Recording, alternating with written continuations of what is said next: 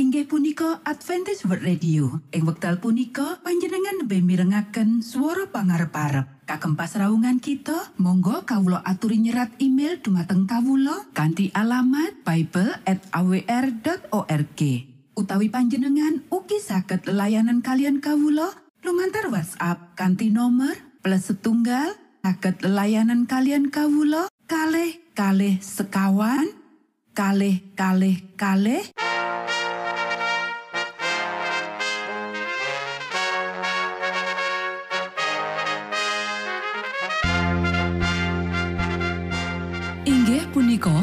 Adventist World Radio ingkang giaran kanti basa Jawi.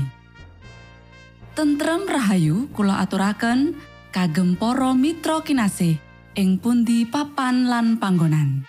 Sugeng pepanggian malih kalian Adventist World Radio. Kanti bingahing manah Kulo badi sesarengan kalian poro mitra kinasi. Lumantar saperangan adicara ingkang sampun rinonci. Mligi kagem panjenengan sami. Mugi giaran punika saged migunani tuwin dados berkah kagem kita sedoyo. Sugeng midhangetaken Gusti amberkahi.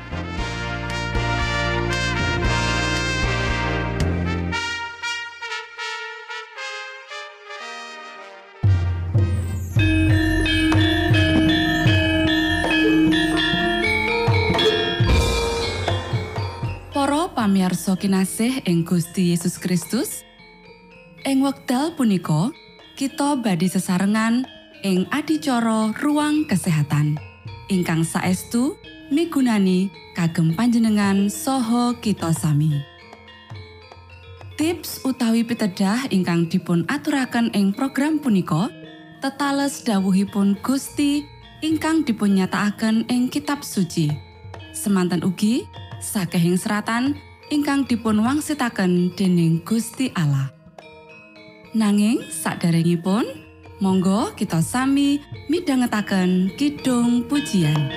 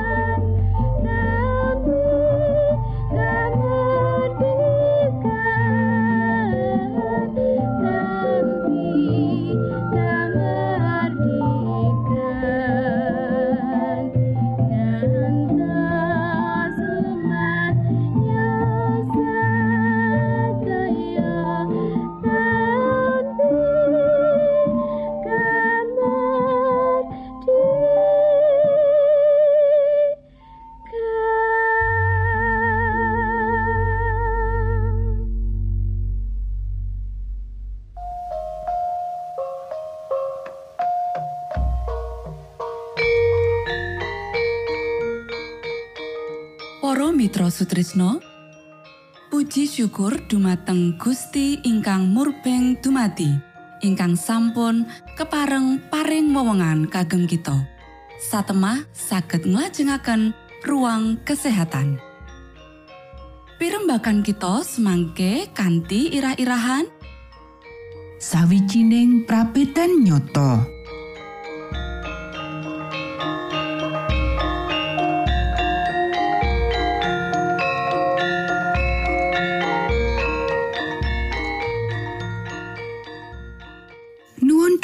Para pamiarsa ingkang dahat kinurmatan, sugeng pepanggian malih kalian kula Isti Kurnaidi ing adicara ruang kesehatan. Ing dinten punika kanthi irah-irahan sawijining prabedan nyoto.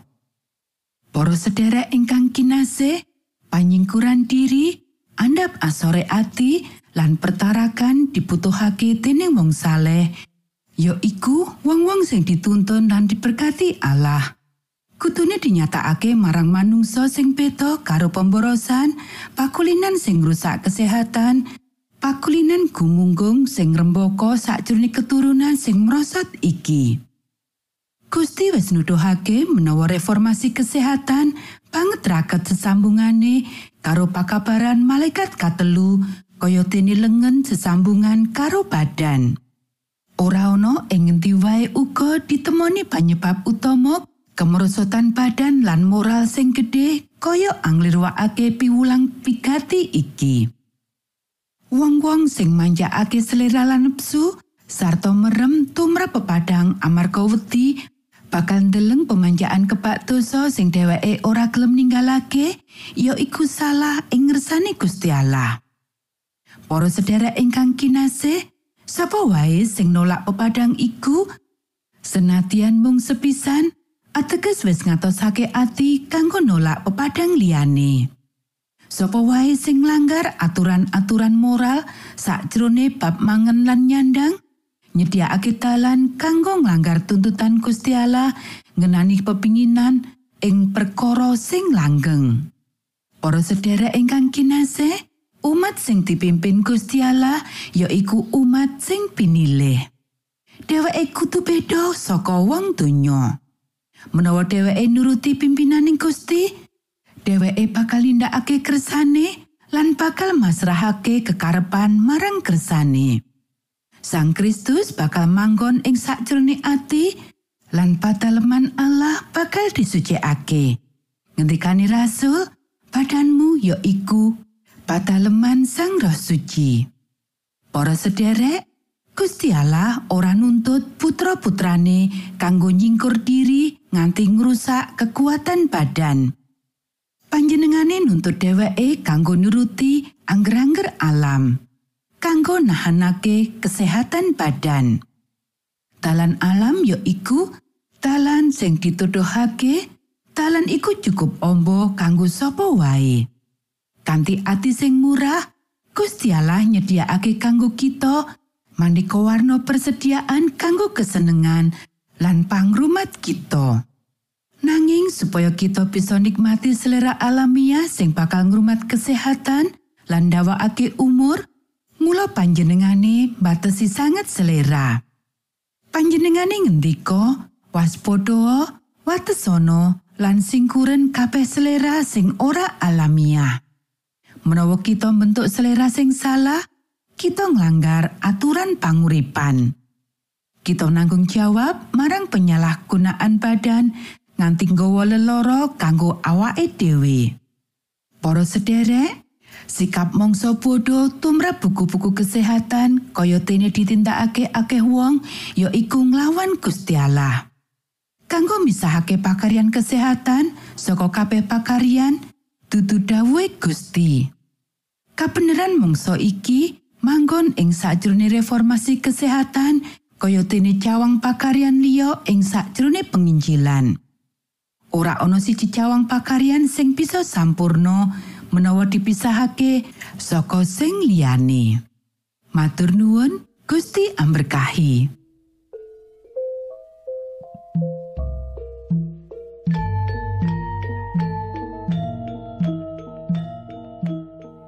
Cekap semanten pimbakan ruang kesehatan ing episode dinten punika.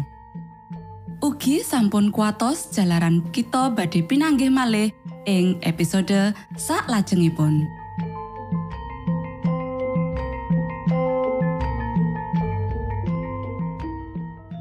Inggih punika adicara ruang kesehatan. Menawi panjenengan gadah pitakenan utawi ngersakaken katrangan ingkang langkung, Monggo Kulo aturi.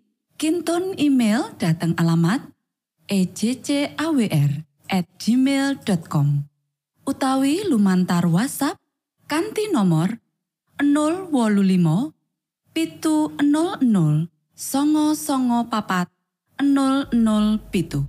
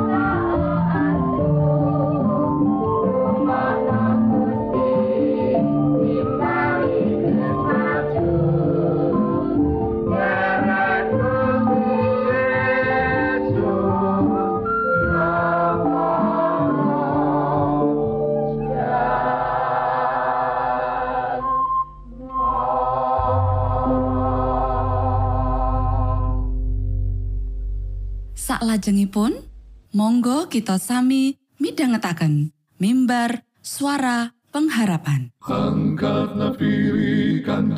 Pawarto Sang Kristus paderamu Pro umat samyo puji asmanyo Sang Kristus paderamu Inggih punika mimbar suara pengharapan.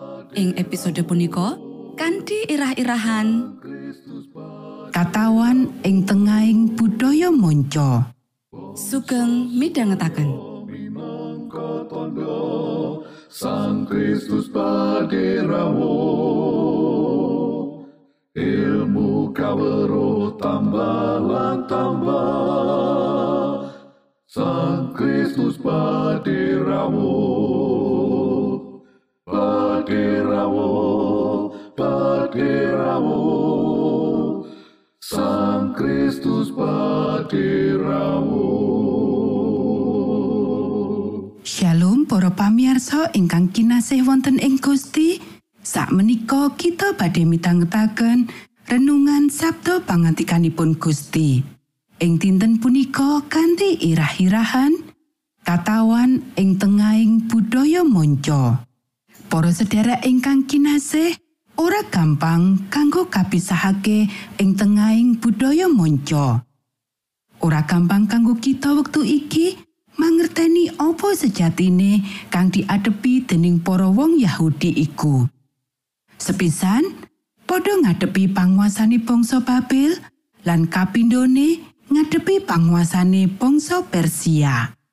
Para sedherek ingkang kinasih, sawijining conto ora ana wong siji wae ing antarane kita kang urip ing negara Advent kang ngetrapake prinsip-prinsip iman kita sakjroning tataran tertentu dadi angger-angger ing sajroning tata pranataning negara. Ananging sadurunge katawan, para wong Yahudi kuwi wis manggon ing negarane dhewe nalika prinsip dasar kaimanane minangka perangan kang wigati jroning pranatane angger-angger ing negarane wong-wong iku. Ing siji tingkatan coba kita krahito lan pikir saipo gampang kanggo setya tuhu dumateng Gusti Allah lan uga saipo gampang kanggo netepi dina sabat dina kapitu menawa kasunyatane netepi sabat dina kapitu minangka perangan saka pranataning angger-angger kang ana ing negara ing ngendi kita manggon. Ing siji sisih, sejarah kang suci nuduhake marang kita kabeh menawa apa wae perintah-perintah saka negara menawa iku nyondongi marang iman kasetian kudu ngoyot saka ati kang jero. Utawa yen ora dosa lan kamurtatan tuwin karusaan mesti bakal kedadean. Sarta Gusti Allah wis ngendika mangkene ing sahrene bangsa iki sowan kalawan cangkeme lan ngluhurake ingsun kalawan lambene. Mongko atine ngetohi ingsun. Tuwin anggone ngabekti marang ingsun iku mung marga saka perintah manungsa kang diapalake. Yesaya pasal 29 ayat telulas. Kosok wangsule kanggone wong kang duweni tekad kanggo setya senaosa urip ora nyenengake ora bisa ngalang-alangi wong kuwi tetep mituhu. Ayo kita waca kitab Daniel pasal siji ayat wolu. Ono dene Daniel mutus ora bakal najisake awak kalawan daharane sang Prabu sarta anggur kang adate diunjuk dening sang Prabu. Mulane nyuwun marang kepalaning punggawa kraton mau supaya ora usah najisake awake. Daniel pasal telu ayat 16 nganti wolulas. Sang Sadra, Sang Mesa, lan Sang Abednego banjur munjuk marang Sang Prabu Nebukadnezar. Mboten wonten ginanipun abdi dalem kawula sami ngunjukaken wangsulan ing bab punika dumateng Gusti kawula. Mbok pilih Allah kawula ingkang sami kawula pepuja saged ngluwari kawula sedaya kawula inggih sami badhe kaluwaran dening panjenenganipun saking pawon murup punika saha saking asta dalem do sang Prabu. Nanging saumpami boten, Gusti kawulo mugi karsawa nguningani. Bilih kawulo sami boten badhe memuja dhateng dewanipun Gusti kawulo saha boten badhe nyembah dhateng reca kencana ingkang kaatekaken dening Gusti kawulo punika. Daniel pasal 6 ayat 11 Bareng sang Daniel mireng menawa perintah iku wis kadamel banjur kondur menyang ing daleme. Ing panggunging daleme ana jendelane mengo madhep ing kiblate kutha Yerusalem. Satino ping telu anggone sujud jengkeng, ndedonga lan memuji marang Allahe kaya dene adat kang ditindakake. Para sedherek ingkang kinasih, ora peduli kita iki sapa utawa nang endi papan panggonan kita urip, nganti tingkatan tartamtu kacemplungake ing lingkungan sing kanthi angger-angger iku dhewe utawa budaya utawa loro-lorone bisa nantang iman lan paseksen kita. Kaya dene lelakon ing kitab Daniel, sanadyan ing pungkasaning cerita kanthi bunga nyatakake menawa malah jroning urip ing kahanan kang abot sanggane wong-wong bisa tetep setya marang Gusti Allah. Malah menawa ora ana saka cerita-cerita iki kang pungkasane bebunga, ora ana ringo-ringo yen wong-wong iki bakal tetep nglakoni urip kang bener. Matur nuwun Gusti amberkahi.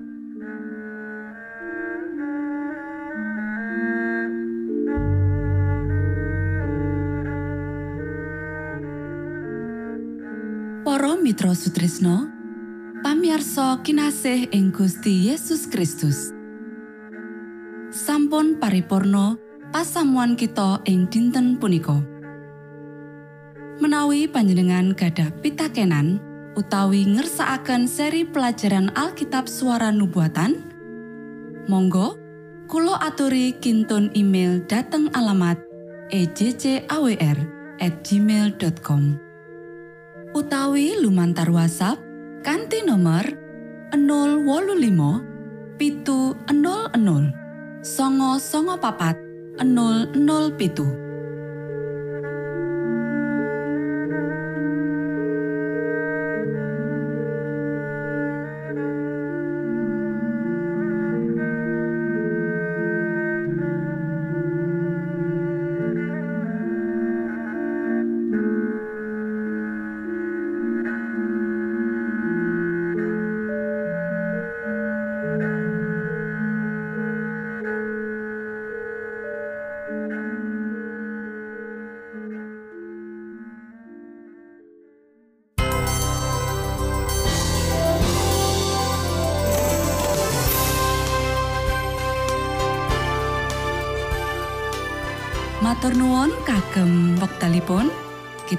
badhe pinanggih malih ing gelombang ugi wekdal ingkang sami. Saking studio kula ngaturaken tentrem rahayu. Gusti amberkahi kita sedaya. Maranata.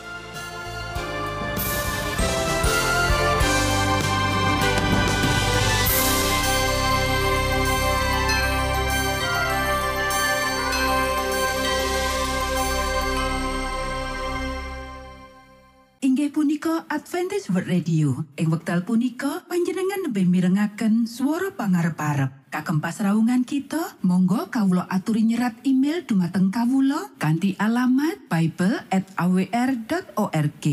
Utawi panjenengan ugi saged layanan kalian kawula lumantar WhatsApp kanthi nomor plus setunggal saged layanan kalian kawula kalih kalih sekawan kalih kalih kalih